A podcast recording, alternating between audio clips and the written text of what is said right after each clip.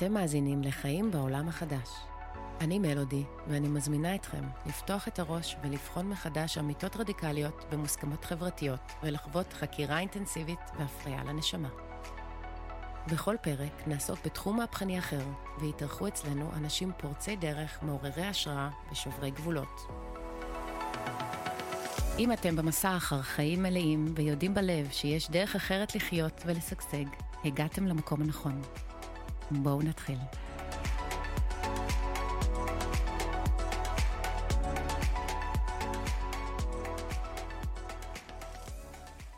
בוקר טוב, רות, מה שלומך? מצוין. אז הבוקר יש לי אורחת מדהימה ומיוחדת במינה, אה, עורכת דין רות דיין.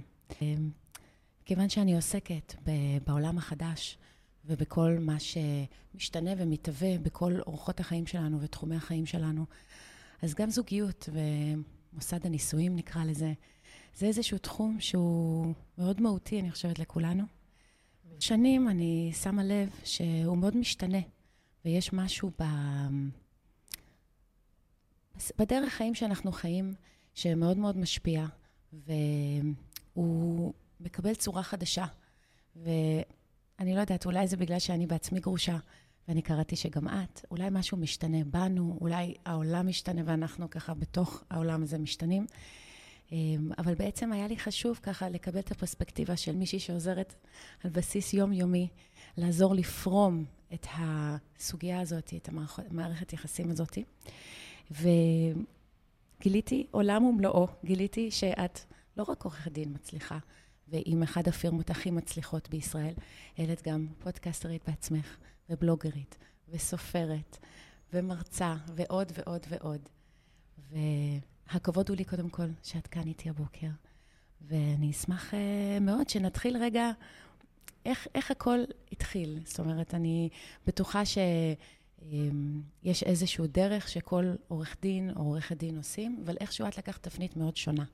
ובית הספר לקרמה טובה, שזה השם של הפודקאסט ושל הספר, וככה בנית מותג מדהים. אז אם בא לך ככה אולי לספר כמה מילים על איך, איך הקונספט הזה בעצם נולד, ואחרי זה ניכנס ככה לתוך השיח הזה של מה את באמת פוגשת ביום-יום ואיך את רואה איך כל הדבר הזה והמוסד המשפחתי משתנה, ולאן אנחנו הולכים עם זה בעצם. טוב, זה הרבה מאוד נושאים. כן, רק נתתי תקדים קצר. כן. אמ, אני גיליתי אמ, את עולם ההתפתחות האישית לפני קרוב ל-20 שנה.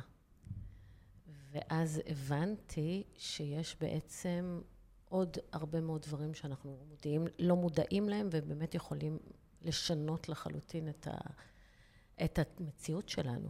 כן. אה, אבל זה היה בעיקר לעצמי.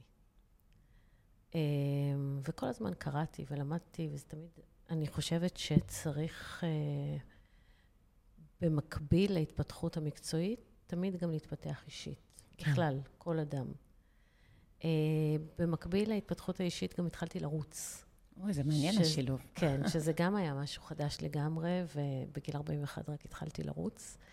Uh, זה היה מאוד מאוד רחוק ממני, אבל כשאת מבינה שיש שיטות לעשות דברים, אז uh, את לא, לא מפחדת מהם. כן. ואז התחלתי להתאמן למרתון, ועשיתי מרתונים, וב-2017 נקרא לי המיניסקוס. כן, ובבת אחת אה, לא יכולתי יותר לרוץ, וגם לא ללכת על העקבים, שתי אה, בעיות קשות מאוד עבורי, והתפנה לי הרבה זמן בשבתות.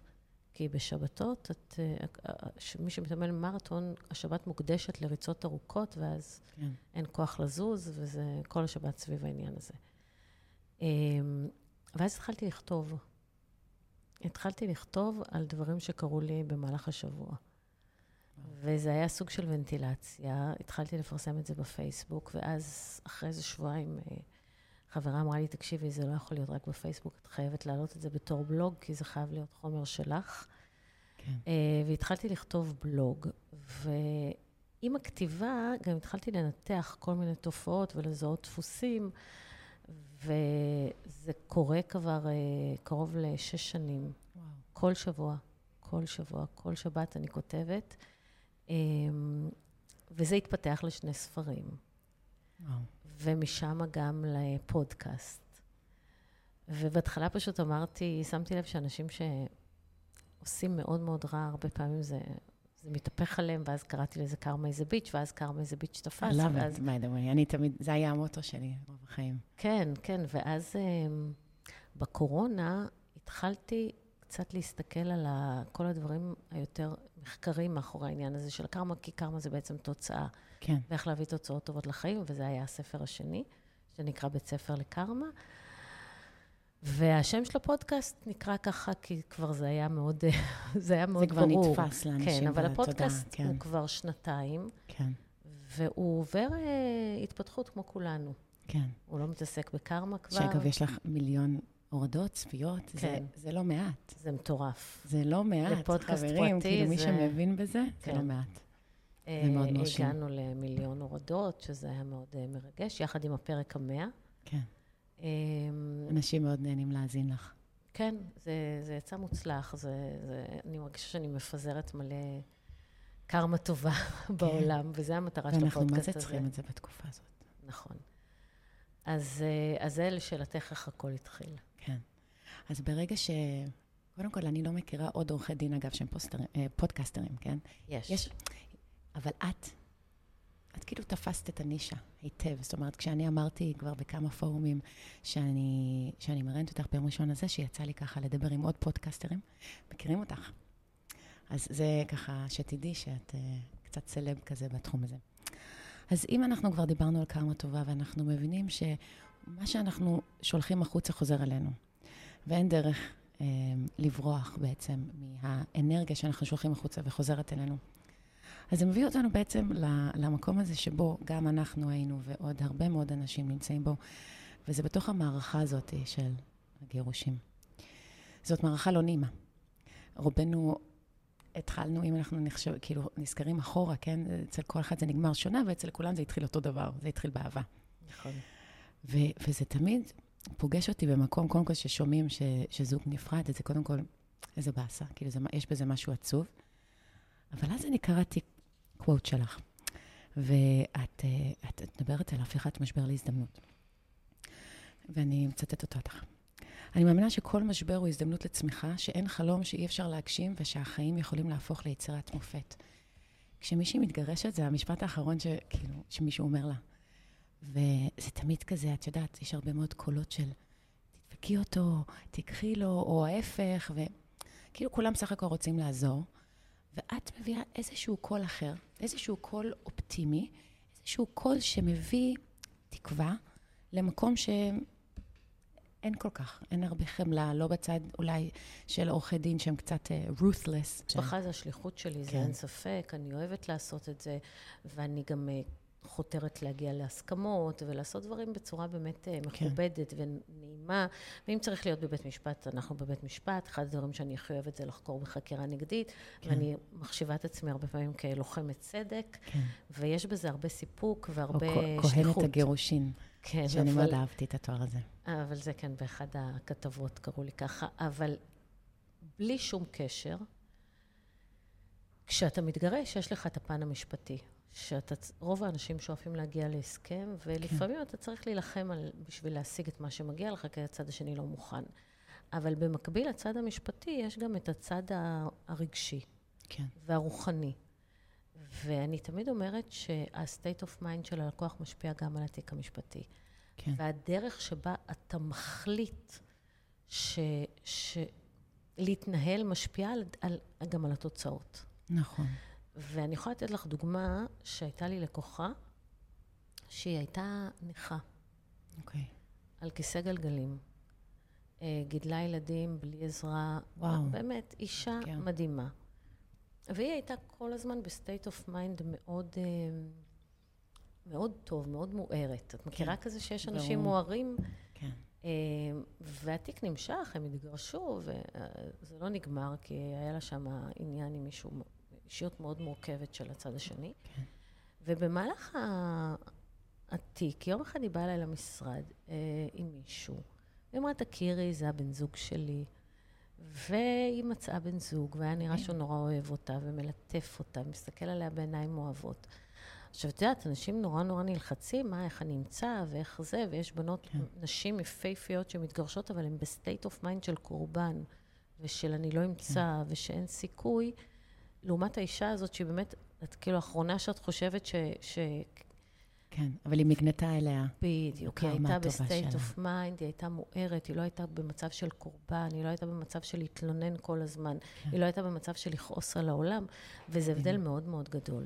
וואו, ממש. ומגיעים אמ, אלייך הרבה מאוד נשים, ראיתי, ממה שככה קראתי, שהם חוו בני זוג נרקסיסטים. נכון. זה משהו שהוא מאוד נוכח uh, ככה ב cases שאני, שככה חוויתי, קראתי קצת.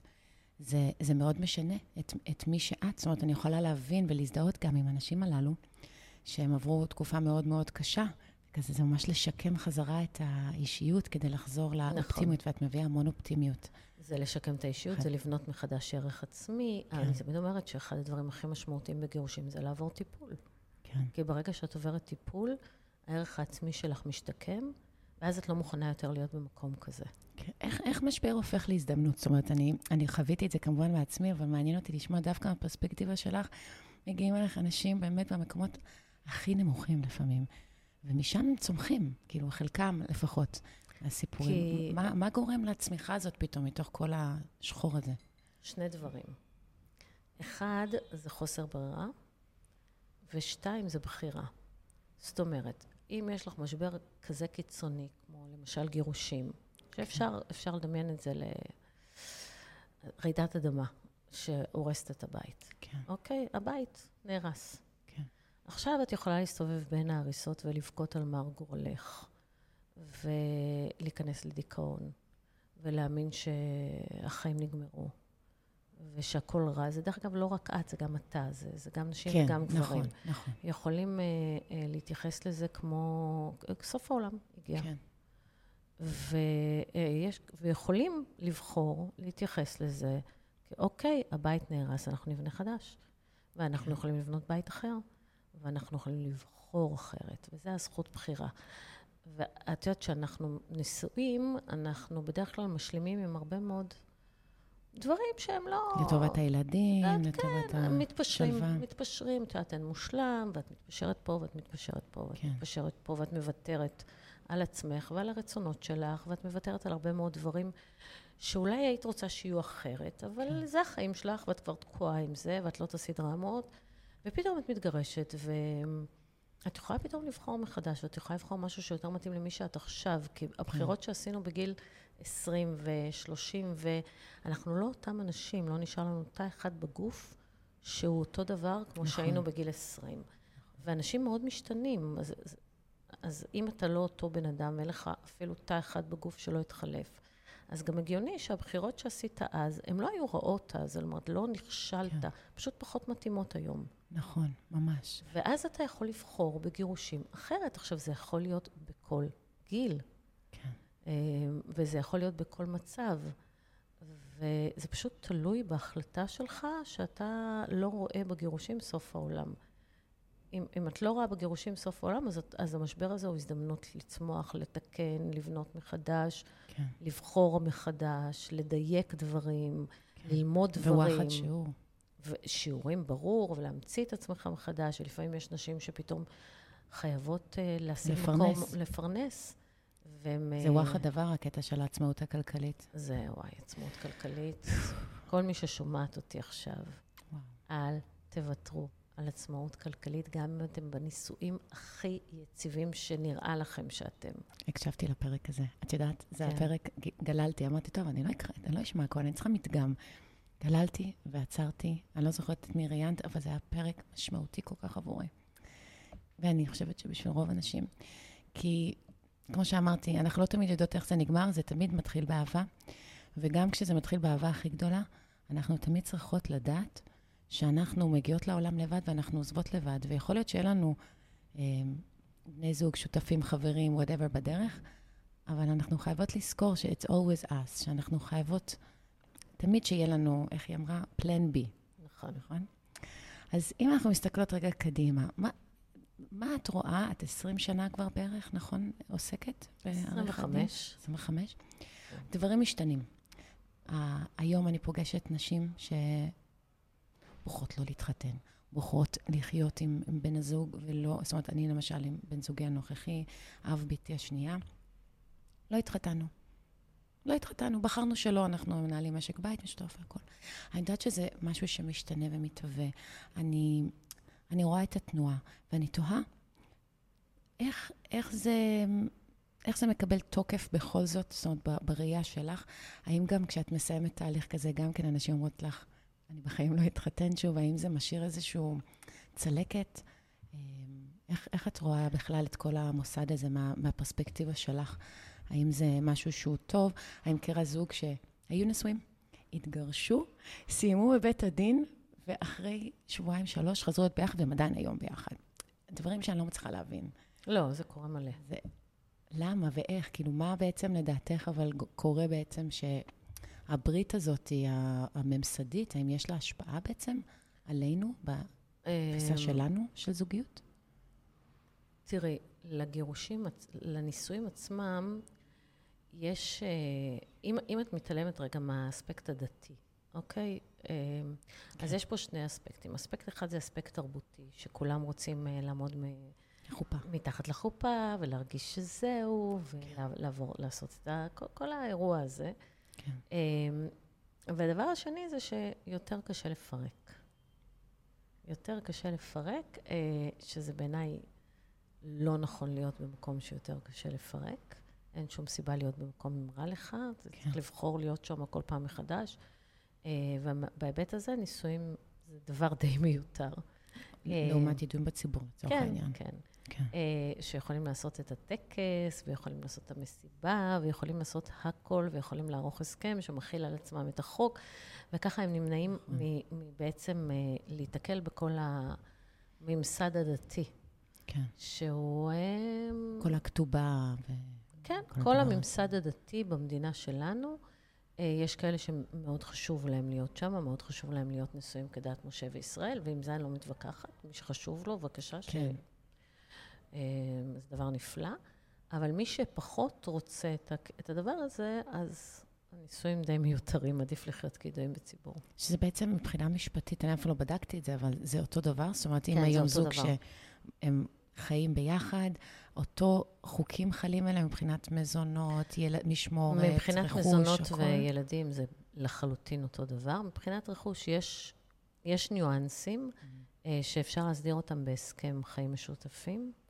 לפני, זאת אומרת שיוצאים לדרך הזוגית? כן, אפשר להחליט שעושים הסכם חיים משותפים, מכילים על עצמם את, את חוק למשל, או מכילים כן. על עצמם איזה הסדר רכושי שהם רוצים, וגם אם לא, עדיין הם, יש שיתוף מאוד מאוד דומה לבני זוג נשואים. כן. לא במאה אחוז, אבל מאוד דומה. ועדיין, זה דבר, אה, אפשר, חוסכים את כל הסיפור כל של מרוץ הסמכויות, של המצב אמ, שבית דין רבני דן בעניינים שלכם, שלפעמים זה לא רע, כן. אבל לפעמים מבקשים להימנע מזה. אני הבוקר שמעתי איזשהו קטעון ממש קצר, שאמרת, שזו פעם ראשונה שאני שומעת למה זה לא טוב לגבר לפנות לבית הדין. נדמה לי שזה היה אה, על זה שהאישה רצתה ליישב סכסוך ומשהו, ו, ו, והגבר אה, עזב את הבית, ואמרת שה timeline היה כל כך חשוב, שבעצם את הצלחת אה, לפצח את התיק הזה בזה שידעת את הטיימליין, זאת אומרת נכון. שהדברים שהתרחשו. ואז אני אומרת לעצמי, עכשיו אני מבינה למה היא הלכה ללמוד קרימונולוגיה. את ממש צריכה להפוך להיות שרלוק הומס, את צריכה ממש אה, כזה לשחק עם, ה, עם המשפט והכל, כדי לפעמים לפצח את זה, נכון? זה, זה לא תמיד שחור לגבי לבן. את מדברת עכשיו על, על כלי שהוא כלי עזר מאוד מאוד משמעותי בעריכת דין, שהוא לוח זמנים. כן. אני חושבת שאנחנו, אצלנו במשרד, לפי השיטה שאנחנו עובדים, יש קודם כל, לפני שמתחילים, ניגשים לערוך לוח זמנים של כל האירועים. כן. וכשאת שמה את הדברים מסודרים לפי תאריכים, זה כל כך חשוב, זה, זה שמקבל ש... קונטקסט זה, אחר. זה בדיוק, את לומדת המון המון דברים. את יכולה לראות מזה, ולפעמים זה יכול לנצח תיק. כן. כי אנשים כאילו לא, לא מבינים את, את הטיימליין. זה דבר אחד. דבר שני שאמרת, זה שבאמת לא תמיד בית הדין הרבני הוא רע לנשים. לפעמים כן. הוא אפילו מצוין לנשים. כן. צר... זה לא מפתיע, אני, אני הופתעתי. לא, את... לטובה. צר... אז, אז זה הנקודה, שאנשים לא מכירים את הנושא הזה לעומק. וצריך לדעת מתי בית דין רבני זה מקום נכון להיות בו גם אם את אישה, ומתי זה מקום לא נכון להיות בו גם אם אתה גבר. צריך מאוד מאוד להכיר את זה, כי אם לא מכירים את זה, אפשר לעשות טעויות קשות, אבל גם זה בלתי הפיך. ברגע שאתה בתוך, ברגע שלבית הדין הרבני יש את הסמכות, אז יש לו את הסמכות. אי אפשר להוציא. אי אפשר לשנות את זה. ולכן, לא לרוץ ולעשות okay. אוקיי. שטויות, אלא להתייעץ, אבל להתייעץ עם מישהו שבאמת מבין לעומק את ההבדלים. לא, כן. אם אתה גבר, תלך לבית הדין הרבני. נכון. טעות, נכון. טעות חמורה. ממש, זה... כן, זה היה נקודה מעניינת, אני בכוונה רציתי לציין אותה, כי יש כל כך הרבה מיתוסים. נכון. ו- ומה זה חשוב לפרום אותם. ואני...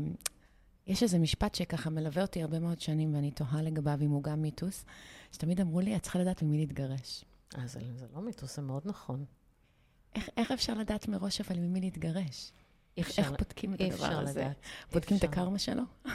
לא, לא, אי אפשר לדעת, אבל אפשר כן לקבל רמזים. למשל, איך הוא מדבר על האקסיות שלו. Mm. אם הוא מלכלך עליהם, אם כולם חולות נפש, אם הוא תמיד הקורבן. נורא קשה לנו לראות את הסימנים האלה כשאנחנו מאוהבות. מאוד קשה. מאוד קשה לראות סימנים, מאוד קשה להבין, למשל, שאת אה, נכנסת למערכת יחסים נרקסיסטית, כי היא מתחילה מדהים. נכון, זה משהו שציינת הרבה, ש-they're lovers. היא מתחילה בהפצצות אהבה מטורפות, כן. ואת בטוחה שהכרת את uh, אביר חלומותייך, ואת כולך מסוחררת, והכול מדהים, כן. וכשזה מהר מדי ומטורף מדי, זה סימן, זה דגל אדום. ו... אז כל, כל לא הנשים שנסחפות ככה באיזה... והוא עשיר, והוא לקח אותה. וכאילו מחר הם, ב... הם ביוון, בהפתעה, ו...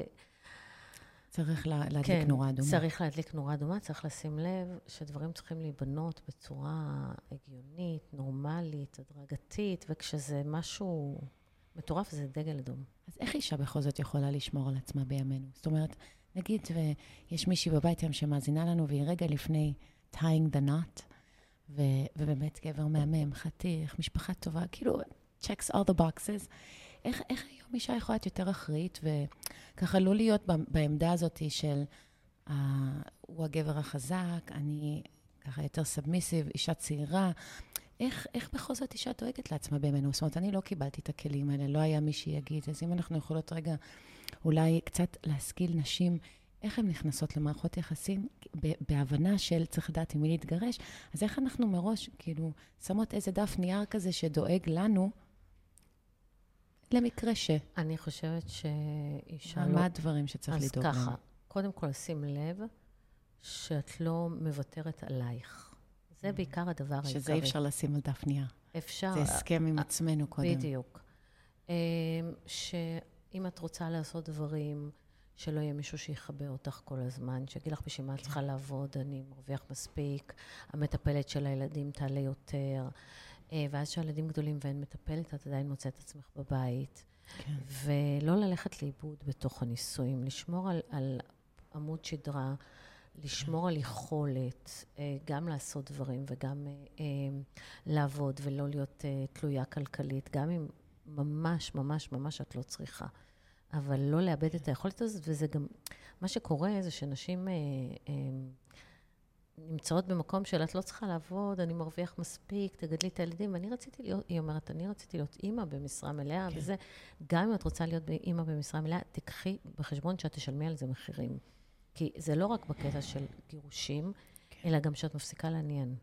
בדיוק, וואו, זה משהו שגם כן דיברתם עליו, שאני חושבת שזה, בעיקר אני הייתי רואה את זה בסרטים. שרואים את הגבר כזה עם החליפה השחורה בוול סטריט, יוצא לבר, ופתאום מפרטט וזה, והאישה בבית עם כל הקי של התינוקות ועם הזה, וכאילו, זה לא שהיא... זה אפילו לא העניין שהיא בבית, או לא מכניסה כסף, או כל דבר הזה, זה שהעולמות ממש משתנים. מתרחקים. הוא, הוא, הוא, כאילו בפסט פייס שלו, הוא כל היום עם כזה אנשים ככה מתוקתקים ונושאי עניין, וגם הסכלתנות, זה אפילו לא המראה, זה הסכלתנות, זה, זה ה... שיהיה על מה לדבר, כי בואי, אחרי חמש, עשר שנים, דיברנו כבר על הכל, כאילו צריך כן לשמר איזושהי גחלת. ובמקום הזה, אני, אני פתאום, אני חושבת על זה, שזה אפילו לא למצוא עבודה, זה למצוא עניין. גם אני חושבת שאם אישה תמצא תחביב, או איזה תחום עניין, איזה משהו שממלא אותה, אז זה גם ישמור אותה מעניינת בעיני עצמה, ו- והיא תקרין גם את האור הזה. כי כשאנחנו משועממות ומיואשות, וככה כל היום רק סביב הבית, זה מקרין החוצה. ככה אנחנו נראות. ואני חושבת שזה באמת אחד הדברים החשובים שאת מדברת עליהם, ואת מדגישה, וזה סופר סופר חשוב היה לי להביא את זה גם לכאן, כי אני חושבת שכשאנחנו שומרות על, ה, על האישיות שלנו, ש, שזה בעצם האישיות שבו הוא התאהב או היא התאהבה, זאת אומרת, אנחנו צריכים לזכור מי אנחנו בתוך זה, וגם להתפתח. זה לא רק לא לאבד את עצמנו, אני מרגישה, נכון? אם אנחנו מתפתחים ביחד, אז אנחנו יכולים לשמור על זוגיות לאורך שנים, שזה בעצם הדבר הבא, שאני מאוד רוצה לדעת איך בעצם, זאת אומרת, לפרק כולנו יודעים כבר, הבנו, ואם צריך, אז רות הכי טובה בזה. אבל אם אנחנו רגע לפני, איך, האם את גם אה, ככה למדת דבר או שתיים על איך שומרים על זוגיות? איך לא מגיעים לנקודה הזאת של הפירוק, מתוך המקום הזה שפירקת כל כך הרבה וכל כך טוב, איך אפשר לנסות לשמר את זה? זאת אומרת, חוץ מעצמאות כלכלית ו- וככה לשמר עניין, מה עוד עובד? אני חושבת שיש כמה דברים שאם אין אותם, אז המערכת הסתיימה. אחד זה הערכה הדדית. Mm. צריך כל הזמן לשמור oh, על מצב שמעריכים אחד את השני. אה, גם כבני אדם וגם באופן כללי. את יודעת, שאתה יכול כן. אה, להתייעץ, שאתה יכול לסמוך על, על הדעה, שזה, זה חשוב. כן. והדבר השני שצריך לשמור עליו זה אמון. כי כשאין אמון, אז גם אין, כן. אין יותר מדי סיכוי למערכת. Uh, וזה שני הדברים שברגע שהם uh, נגמרים, והם יכולים להיגמר מתישהו, זאת אומרת, זה יכול להיות כן. הרבה מאוד שנים מאוד טובות, ואז פתאום זה נגמר, משהו מתפרק בהערכה, משהו מתפרק באמון, וזה גם, זה לא אסון, כן? כן. אבל זה יכול, זה, אני גם חושבת, את יודעת, תוחלת החיים גדלה וגדלה. כשהמציאו את מוסד הנישואים, תוחלת החיים הייתה בערך 30, 35, היו מתחתנים כן. ומתים. והיום החיים עוברים פאזות. נכון.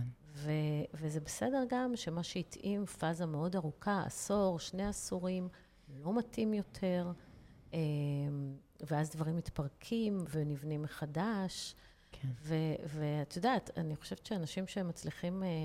אה, לשרוד עשורים רבים ביחד, הם, הם יחידי סגולה. ממש, ולש, לשרוד טוב. כן. לשרוד טוב. נכון. כי זה לא חוכמה, אפשר לשרוד ולחיות רק שנים. את יודעת, הייתה אצלי השבוע מישהי, 40 שנה וואו. הם נשואים. היא אמרה לי, לא היה לי סבתא? איתו... סבתא? כבר ממש... כן, כן, כן. היא אמרה לי, לא היה לי איתו יום אחד. יום אחד. ואז היא אומרת, לא, בעצם לפני 20 שנה רציתי להתגרש. ואז הוא התחנן, ואז אמרתי, אוקיי, ננסה חצי שנה, והייתה שנה טובה, בדיוק כשנגמרה השנה הוא חזר לסורו. ועכשיו היא מוצאת עצמה בגיל 60 ומשהו. עכשיו, את יודעת, בגיל 60 ומשהו לא נגמרו החיים. כן. יש עדיין שני עשורים טובים, והיא אומרת... שזה חדש ש... יחסית. פעם זה לא היה נתפס בכלל אה, לחשוב על להיפרד בגיל 60 ומשהו, זה אז את יודעת, היא סיפרה לי סיפור קטן, אבל הסיפור הזה, כאילו, היה כל כך קשה בעיניי, שאמרתי לה, את באמת צריכה להיפרד. את לא צריכה לחיות ככה, אף אחד לא צריך לחיות ככה. והיא סיפרה לי שהיא הלכה לעשות קניות, והיא קנתה דברים שמספיקים לשני אנשים, הם שני אנשים בבית, והוא אמר כן. לה, מה? למה קנית כל כך מעט? את מתקמצנת עליי, צריך עוד, וזה בסדר. היא הלכה וקנתה עוד באותו יום. עכשיו, את יודעת, היא אישה, כאילו, בת 62, אבל היא, יש לה כוח, כן. והיא בכושר, והיא בסדר, כן. וזה, סבבה, הלכה לסופר, עשתה עוד קנייה, הביאה אותה הביתה, סדרה הכל במקרר. כן. ולמחרת היא הלכה לשיעור אה, פילאטיס, וכשהיא חזרה, המקרר היה ריק, הוא זרק הכל לפח. למה? למה? זה גם מה שאני שאלתי. למה? זה הדבר הכי... הוא פשוט זרק הכל לפח. עכשיו, זה התעללות. זה התעללות. זה התעללות, וזה... זה כאילו וואו. לדרוך על הכל. והיא אומרת לי, את יודעת, את מתרגשת מזה. אני לא מתרגשת, אני עברתי כבר איזה... זה ו... ברגיל אצלה היה. כן, וואו. והגיעה למקום שכאילו, די, די. כן. ולכל אחת, אני ראיינתי את אה, אודטה, כן. אני שמעתי שהיא דיברה על חבית, על החבית הזאת, שלכל אחד יש חבית בגודל אחר, וברגע נכון. שהיא מתמלאת, את לא מוכנה יותר להיות שמה. לא נכון. מוכנה יותר להיות שם. ואז זה כבר לא, אם תעשה ככה, אז, אם אז, אם, את פשוט אומרת, זהו, נגמר. ו- וזה לא משנה, זה יכול להיות דבר אחד שממלא את החבית הזאת, וזה נגמר. כן. Uh, ואת יודעת מה? כן. זה לגמרי בסדר. זה בסדר בגיל 62 להגיד, נכון, חייתי ככה 40 שנה, ואני לא רוצה לחיות ככה יותר. את, את אפילו אמרת שהייתה אצלך מישהי הכי מבוגרת, 85, נכון? כן, כן. זה בכלל. כן, אבל את יודעת, גם מטורף. לפעמים, תחשבי, בגילאים היותר מבוגרים, אה, מתאלמנים. כן. ואז גם, הר, הרבה פעמים, זה מאוד לגיטימי להתאלמן ו- ולמצוא זוגיות חדשה. אנשים לא רוצים להישאר? לבד, כן, גם בבית אבות, אבל גם לא רק בבית אבות. ראיתי שיש אתר לגיל השלישי עכשיו, אתר היכרויות. באמת, עשו להם אתר dating? שושקה, משהו כזה, ראיתי את זה, ויש פרסומות על כל האוטובוסים. גדול. זה איזה מד- שם זה גם, שושקה. שושקה, זה גדול. לא, זה לא פרסומת, אני לא מכירה את האתר הזה, אין לי קשר אליו, כן? כן. אבל זה, אני חושבת שזה דבר מדהים. כן. כי אני חושבת שבכל גיל אנשים רוצים זוגיות, ואנשים רוצים אהבה, וזה גם מאריך חיים, אם זה טוב. כן. אם זה רע, זה מקצר. אבל זה ממש חשוב מה שאמרת עכשיו על, ה, על הרגע הזה של הנגמר. אני הרבה שאלתי את עצמי לאורך השנים, במיוחד שהייתי ככה בהתמחות בפסיכולוגיה וזה, איך אישה מוכה נשארת כל כך הרבה זמן עם מישהו שמכה, שמרביץ וזה. ועודדה נתנה דוגמה, אני חושבת, זה היה לה שיניים או כן. משהו כזה. למה השן ה-14 שהוא מעיף לה? למה דווקא עזבי שזה בשן צמרר 14? אותי. למה דווקא בשן 14? וזה צמרר אותי. כי, כי למה באמת לא ב-13, או ברביעי, או למה לא בראשון? למה לא בראשון? כאילו, אופרה ווינפרי יש לה משפט מאוד מאוד חזק שנשאר איתי. אני אגיד אותו באנגלית ואני אתרגם. When people show you who they are, believe them the first time. כשאנשים מראים לכם מי הם באמת, תאמינו להם בפעם הראשונה. יש לזה המשך. כי אם, אתה, אותו. אם, אם הראו לך בפעם הראשונה ואתה מסרב לראות, אז היקום יעמיד אותך בעוד ועוד ועוד ניסיונות, ויראה כן. לך שוב פעם ושוב פעם ושוב פעם, ואתה תיפגע ותיפגע ותיפגע עד שתבין. כן, שזה מאוד נכון כן. בעיניי, זה מאוד מאוד נכון, כי הרבה פעמים יש בעצם דיסוננס קוגניטיבי. מה, כן. מה זה אומר? זה אומר, אוקיי, אני בחרתי, אז, אז זה הבחירות שאני עשיתי, ואז כן. אם אני לא רוצה להיות שם יותר, אז מה זה אומר עליי ועל הבחירות שלי, ומה זה אומר על ההחלטות שלי, ואז אתה רוצה להאמין שיהיה בסדר, וגם חיי נישואים הם לא שחור לבן. נכון. יכול להיות משבר, ואחריו יהיו פרחים, טוב, נכון. ויהיה כיף, ויהיה אושר, ואת האישה הכי מדהימה, ואת אומרת, אוקיי, אני רוצה להאמין שזה נגמר, שזה לא יחזור כן. על עצמו, וזהו, ואני אשתנה, ואני אלך לטיפול, ואנשים רוצים... והוא ישתנה. הוא ו- אומר, לא, הוא אומר, אה, אני אשתנה ואני אלך לטיפול ואני אעשה, ואז ואז מאמינה לו ואת רוצה... אז גם אם, אם עברת משברים, את רוצה להאמין שאפשר לתקן. כי כן. מה שאפשר לקלקל, אפשר לתקן. כן. ו, ולכן הרבה מאוד משברים נמשכים הרבה זמן. כי את כל הזמן רוצה להאמין שבפעם הבאה זה לא יחזור על עצמו. אה, עד שבסוף נגמר, רגע אחד, נגמר, זהו. כן. ואז הם מגיעים אלייך, מגיעות אלייך. נגיד. כן. אז הקונספט הזה, שאם אני רגע אורזת את זה, עם, עם כל מה שאנחנו יודעות ומבינות והכול, ונאמר בחורה עדיין בוחרת להתחתן, הכינה דאגה למסמך, דאגה להכול, ה- אנחנו כנשים השתננו. זאת אומרת, זה לא רק העולם משתנה. האישה החדשה היא, היא אישה יותר, לא יודעת אם אפשר אה, ככה להגיד אה, את המילה אלפא, אבל יש איזה משהו באישה החדשה שהיא, שהיא בוחרת להיות בזוגיות. לא כולם כמובן, וזאת הכללה, אבל ככל שככה התנועה של הפמיניזם התפתחה, ונשים התחילו ללמוד, והם עכשיו גם, את יודעת, מתחילים, העולם מתחיל להיפתח בפנינו. זאת אומרת, אם זה פעם היה נשים לא יוכלו להצביע, אז היום אני חושבת שכמעט ואין דבר שאם אישה רוצה, היא יכולה. למה, למה בעצם לאישה עדיין, אני רגע משחקת שנייה ב-Devil's Advocate, למה לאישה בכל זאת היום להתחתן? זאת אומרת, כן, זה לא למה להתחתן, זה למה להיות בזוגיות. כן. בואי נתעלם כן, רגע, נכון, אם אתם נכון. ידועים בציבור או נשואים, נכון. אין לזה משמעות. אני שמה את הצד השאלה היא המשפטי. בקשר משמעותי כן, של קשירת גורל, של, רצ... של חיים משותפים, של... נכון. לא, החתונה עצמה אין לה משמעות, אוקיי? אמ, ואני חושבת שיש היום יותר ויותר נשים שבוחרות להיות שם, לא מתוך מקום קורבני, ולא מתוך מקום של מחפש הגנה. כן, או מחפש מי שידאג לך, או מחפש מי שיפרנס אותך, או מי שייקח עלייך את חסותו, כמו שהיה פעם. כן. וכמו שעדיין יש, כן? יש עדיין נשים שלא רוצות לעבוד, שרוצות להכיר מישהו, שייקח עליהם את חסותו, ש... אבל זה גם קצת יותר מדי דיסני לדעתי. לא, לא, אבל אני, אני מכירה כאלה. אני מכירה כאלה שלא משנה, גם אחרי גירושים, החלום שלהם זה לשמור. למצוא מישהו ש... שהם יוכלו לחסות תחת כנפו, ושהוא יפרנס אותם וידאג להם, ולא יהיו להם יותר דאגות. יש, יש, כן. זה בסדר, זה... כן. ויש נשים שהן רוצות להיכנס לזוגיות, לא מהמקום הזה, אלא מהמקום של אה, חבר לחיים ושותף כן. לדרך, ו, ובסופו של דבר אני חושבת שהרבה יותר נכון, גם מחקרים מראים שהרבה יותר נכון לחלוק את. לנהל את חייך מתוך מקום כן. שיש לך עם מי לחלוק, של שותף, שאת לא בודדה. נכון, במיוחד לא שהילדים ב... גדלים עם הזמן הזה, עוד נכון, יותר קריטי. נכון, אבל לא בכל מחיר. לא במחיר כן. של... אה, אה, התעללות, ולא במחיר של אה, להרוס לך את הערך העצמי. כן. ו- ועוד פעם, זה תלוי מה המחיר. אז ברור שבאידיאל, נשים חזקות רוצות בן זוג שייתן להם, אה, את יודעת, קונטרה חיובית. כן. אבל לא, לא לחיות במקום שהרצון שה- הזה כאילו בזוגיות... כאילו המניע בעצם, אולי ההסכם הזוגי גם סוג של השתנה. אם פעם... רצינו בני זוג, ושוב, זאת, אני מדברת בהכללות, כמובן שיש גם וגם, אבל פעם ראינו בזוגיות כמקום שבו עושים ילדים, שבו קונים בית ביחד, ויוצרים איזשהו תא משפחתי, כזה קונבנציונלי. אז הכל היום השתנה, זאת אומרת, אני מכירה זוגות שהם חיים בבתים נפרדים ומגדלים ילדים ביחד מראש. זאת אומרת, הם מעולם לא חלקו בית משותף, זאת בחירה. זה יותר נדיר. יש, כן, אבל אני אומרת, נתקלתי כבר בהכל לאורך השנים. תראי, אני חושבת שזה תלוי בגיל. אוקיי, אה, ברור שבפרק א', ושזוגות רק אה, מכירים, אז המטרה הטבעית היא לגור ביחד ולגדל ביחד ילדים ולהקים משפחה, וזה זה, כן. זה מאוד נכון גם. כמובן ש...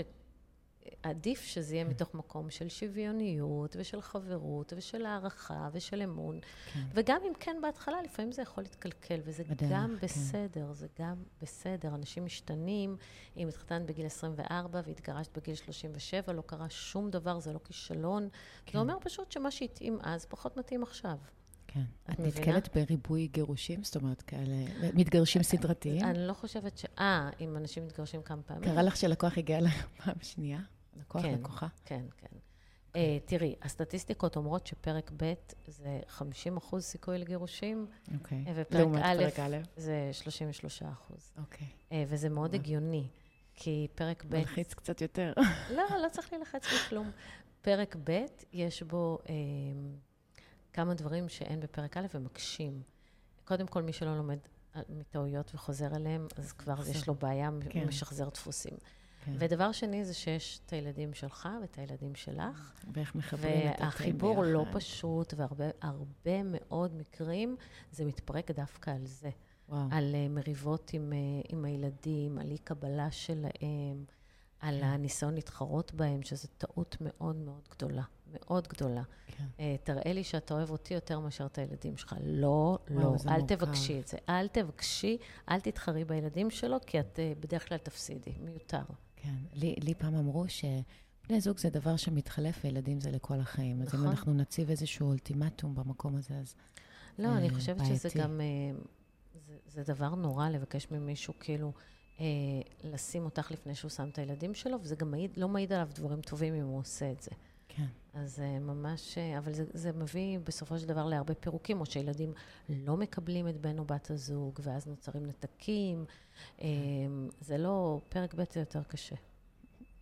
זה מעניין לגבי פרק ג', יש סטטיסטיקה לגבי פרק ג'. אה, אני חושבת שבארצות הברית יש... קראתי על קווין קוסטנר, שזה, כן. מה הוא הגיע למספר חמש, אני חושבת? לא, למה? גירושים ארבע? לא, לא, לא, קווין לא? קוסטנר זה גירושים שניים שלו. אה, בדיוק כן? אה, יעלה שורטקאסט עם הסיפור שלו. זה גירושים שניים, הוא היה נשוי למישהי, התגרש ממנה, נולדו להם כמה ילדים. היה הסכם גירושים אה. מאוד יקר, ואז הוא הכיר מישהי יותר צעירה ממנו. הייתה עוד מישהי? הייתה מישהי שהוא עשה איתה... נכון. שהיא הייתה לו מערכת יחסים. ממנו. לא, לא לקחה, הייתה מערכת יחסים, היא נכנסה להיריון, היא לא הפילה, והוא בהתחלה הופתע שהיא בכלל בהיריון, אבל כשהוא הבין שזה ממנו, הוא לא התכחש לילד, הוא לקח עליו אחריות, ואז הוא התחתן בשנית. ונולדו להם שלושה ילדים. אמ, כן, כן, ואז הוא התגרש עוד פעם, זה גם קורה. כן, אני חושבת שאחד הדברים שאנשים קשה להם מבחינת האגו, זה כזה, אוי, שיט, עוד פעם, כאילו נכשלתי, זה... ואני חושבת שזו טעות לפעמים שהיא מאוד נפוצה, שאני מדברת עם אנשים שהם נשארים במקום הזה בפעם השנייה, הלא טוב, הם פוגשים את אותו סוג של פרופייל של בן זוג. ו... ואז הן שוב מגיעות לאותו מקום, אבל הן לא רוצות או לא רוצים לעזוב, כי הן אומרים, מה, אבל שוב נכשלתי? וכאילו בא לי להביא הרבה חמלה למקום הזה, שזה לא אומר על, עלינו שנכשלנו, שאני, וזה מתחבר לי מאוד לקרמה. כי יש אולי דברים שעשינו בסיבוב הראשון, שהם אולי לא היו ראויים או לא היו נכונים, לא, לא מתוך uh, כוונה רעה. כולנו יש את הפקלה שלנו ואת הטראומות אולי והדברים. ולפעמים בסיבוב השני זה יכול פשוט לבוא אלינו, זאת אומרת, אנחנו נקבל שיקוף של איך אנחנו אולי היינו, ושהשני היה הנפגע. ו, ואני אומרת, צריך לקחת את השיעורים. לא, don't get caught up בסיפור, ו, ופשוט כל הזמן להיות כזה בכאן ועכשיו. האם טוב לי? אם לא טוב לי, לא, לא בכוח להילחם, נכון? זה... בכלל, אני חושבת שמלחמה מביאה מלחמה. הרבה ה... הרצון הזה להימנע גם מגירושים הוא גם הרצון לא, לא להילחם. תראי, זה... אני, אני חושבת שמראש לא צריך להתייחס לזה ככישלון. כן. כי ברגע שלא מתייחסים לזה ככישלון, אז גם הרבה יותר קל. כי אפשר לבוא ולהגיד, אוקיי, היינו ביחד, היה עשור מדהים, כן. ועכשיו זה פחות מתאים. זה כמו, נגיד, שאת עוברת ממקום עבודה שהיית בו עשור, ואת כן. מחליטה לשנות, אז מה, נכשלת? לא, לא. נכשלת, נכון? וגם נישואים, זה גם לא אומר להתחיל מההתחלה, זה לא. אומר להמשיך כן, הלאה. נכון. זה לא אומר שזה כישלון, אבל עוד פעם, זה איך שאנחנו מגדירים לעצמנו. כן. איך שאנחנו מדברים על עצמנו. אם אנחנו אומרים על עצמנו שאנחנו כישלון, אנחנו נרגיש כישלון. אפרופו התפתחות נשדר, אישית. בדיוק, אנחנו נשדר כישלון, כן. אנחנו נשדר אומללות. Uh, ואם אנחנו נבוא ונגיד לעצמנו, אוקיי, היה, היה מצוין רוב הזמן, פחות עכשיו, היה משבר, נגמר. כן. לא קרה, זה לא אסון. זה לא סוף העולם. זה לא סוף העולם, זה לא אסון, uh, וזה גם לא בהכרח כישלון. זה לא בהכרח כן. כישלון, זה לא מתאים יותר. אם יצאו גם ילדים, אז, אז כאילו זה תמיד יש, there's a good side, תמיד יש נכון, משהו פוזיטיב. פשוט כן. התפיסה שגירושים זה סוף העולם וזה הסוף. עכשיו, לא, לא שאני מעודדת אנשים להתגרש. כמובן. אני לא מעודדת בחיים להתגרש, אבל אני אומרת שאם חיים במקום שהופך להיות רע, שפוגע כן. בבריאות, שהאיכות חיים שלך מזעזעת, ש... ש שגם הילדים כנראה כן, כן, אז, סובלים אז, מהסביבה אז, הזאת. אז זה מה שמקצר חיים, כן. זה נורא. כי מכאן אפשר לחלות ואפשר למות מנישואים רעים. יואו. אבל באמת, אנשים אה, שחיים בסטרס ממושך ובסבל ואוכלים את עצמם, זה לא, את יודעת, זה לא כן. דבר טוב. ו... כן. וגירושים הם הזדמנות להתחיל מחדש. Fresh start, כן. ממש, לגמרי. יש נושא אחד שאני ככה הרבה שומעת, אני גרה בפרדס חנה. יש הרבה סטיגמות על פרדס חנה, אבל אני דווקא שם כבר איזה עשור, ואני פשוט נהנית מהחיי אה, כפר. ויש משהו שהוא, איזו תופעה, ככה בשנים האחרונות, וזו תופעת הפוליומוריה. והמונוגמיה. אני, גילוי נאות, אני לא קשורה לזה, אני לא חלק מזה, אני פשוט חוב, רואה את זה, ושומעת לפעמים. ואני תוהה, אה, כי הרי מבחינת הרבנות, נכון, יש איזה עניין של בגידה, זה עילה, וזה ככה זרק אותי להרבה מאוד מחשבות. קודם כל, אם אני מסתכלת רגע קדימה, ואני שמעתי כמה שיחות שעל, על נושא הזה של בגידה, וגם המילה בגידה היא, היא קצת צורמת לי, כי אה, לא, לא שאני בעד, אני תוהה פשוט, האם יש דרך אחרת? זאת אומרת, האם ההסכם מראש של הזוגיות, האם הוא צריך להיות כזה שפותחים אותו מחדש, את ההסכם, לא את הזוגיות, מחדש, וכאילו עושים כזה בדיקת מצב, מה שלומנו, טוב לנו, לא טוב לנו, לא להיות באוטו פיילוט. ואני מכירה זוגות שבאופן אישי, כן, אני לא דוגלת, שוב, שפתחו את הנישואים וזה הציל את הנישואים שלהם. ואני שמה את, מניחה את זה פה, רגע, שנייה על השולחן, האם את... את רוצה את דעתי אישית או מקצועית? אני רוצה את דעתך האישית והמקצועית לגבי okay. אוקיי. הנושא הזה. דעתי האישית היא... אני חושבת שהרבה מאוד אנשים יושבים בשקיקה עכשיו ורוצים לשמוע. אוקיי. Okay. דעתי האישית היא שפותחים את הנישואים, אה, זה שלב אחד לפני גירושים. ועכשיו, אני לא יודעת אם זה נכון, כי יכול כן. להיות, אליי מגיעים אנשים שפתחו את הנישואים, ואז אחד הצדדים פשוט התאהב והחליט שהוא רוצה לחיות עם, ה, עם, כן. עם מי ש... זה הפחד הגדול. זה, כן. לא, זה לא עניין של פחד, זה, זה חלק... אוקיי, זה חלק מהמחיר. בסדר? כן. אנחנו עושים משהו, אנחנו צריכים להיות מוכנים לשלם את המחיר. זאת אומרת, יכול להיות ש... הדברים יצאו מכלל שליטה. מצד שני, גם אף אחד לא הבטיח לך שאתם עם נישואים סגורים ולא יקרה דבר כזה. נכון, נכון. אה, אבל הדבר הכי משמעותי כאן, זה שזה צריך להיות בהסכמה. גם פתיחת כן. הנישואים צריכה להיות בהסכמה. אבל בעיניי, כשמגיעים למקום הזה, אז בעצם מה מחזיק את הנישואים? הרצון לשמור על תא משפחתי, כן. הרצון uh, בשביל הילדים, הרצון לא לפרק את הרכוש, אבל בעצם מוותרים על חלק משמעותי מתוך הזוגיות. הזוגיות נגמרת. אולי נשארים חברים, לא יודעת, לא ניסיתי. כן. Uh, ואני גם לא מתכוונת לא, לנסות. לא, כאילו ממה שהגיעו אלייך מסיפורים. אבל הגיעו אליי שזה... כשמגיעים אליי, אני רואה שזה שלב לפני, אבל מצד כן. שני, זה לא כל כך אה, נכון סטטיסטית, כי אליי מגיעים רק מי שמתגרש. אז כן. אולי יש עוד אה, עולם שלם של אנשים עם נישואים פתוחים, שטוב להם והם מאושרים, והם אה, חיים ככה כל החיים. אני לא יודעת. כן. חשוב לשמוע פשוט גם, כי יש הרבה מאוד אנשים שמשבחים את הדרך הזאת, ואני חושבת שחשוב פשוט לשקף ולהביא את כל הצדדים. אם זה מתאים לשני הצדדים, אבל באמת מתאים לשני הצדדים, כן. אז סבבה. אבל הרבה בהרבה מקרים, צד אחד מבקש לפתוח את הנישואים, והצד השני לא רוצה, אבל כן. הוא מסכים, כי הוא לא מוכן לאופציית הגירושים. כן. ואז דנו אותו גם לסוג של סבל ואומללות. אמ, כן. זה לא, לא דבר קל, גם את זה ראיתי. אז, כן. אבל אם שני הצדדים טוב להם והם מבסוטים והם מצליחים לחיות עם זה, אז ברור, סבבה. כן. מבחינת אה, אה, גירושין, לא כדאי. לא כדאי ללכת עם זה לבית דין רבני. בדיוק. לא כדאי ללכת לבית הדין הרבני ולהגיד כן. לא אחד על השני. כן, כאילו, לא... כן. לוותר על הקטע ההלכתי פה. כן. כי אני פשוט, אה, ספציפית, אני יודעת שזה נכון, כי זוג שהם דתל"שים, ו... לא יודעת, זה, זה נהיה נורא מורכב. זה נהיה נורא מורכב, ובעיקר לא נעים. לא כן. נעים, לאף אחד לא נעים בסיטואציה הזאת.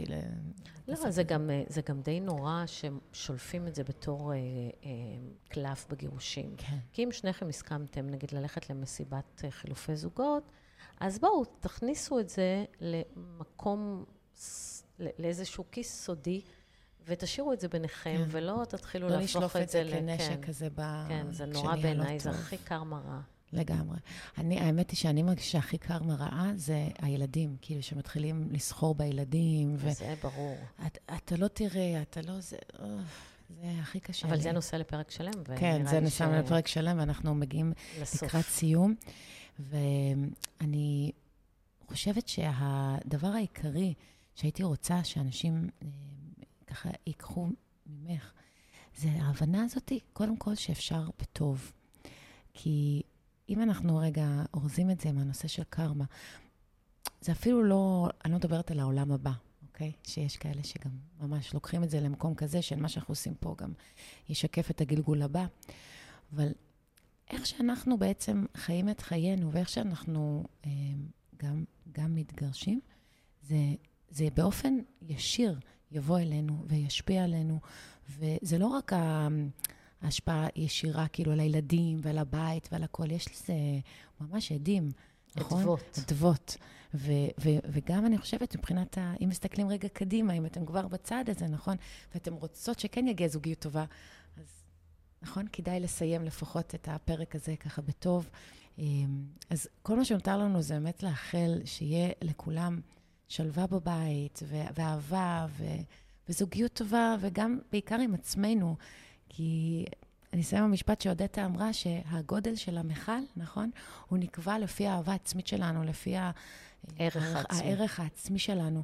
אז אני מאחלת לכם שהמכל שלכם יהיה פיצי, ושיהיה לכם באמת הערכה עצמית ענקית כלפי עצמכם, כי כולנו מופלאים ומיוחדים. והכי חשוב זה שמגיע לנו להיות מאושרים בכל רגע נתון. בדיוק. וש, ושלא נהיה במקומות שלא טוב לנו. תודה רבה לך, רות. תודה על ההזדמנות. אני מאחלת לך יום נפלא, שבוע נפלא, שתמשיכי להביא את כל האור והטוב והקרמה הטובה שלך. תודה. תודה. ביי. להתראות. תודה שהייתם איתנו, ונשתמע בפרק הבא.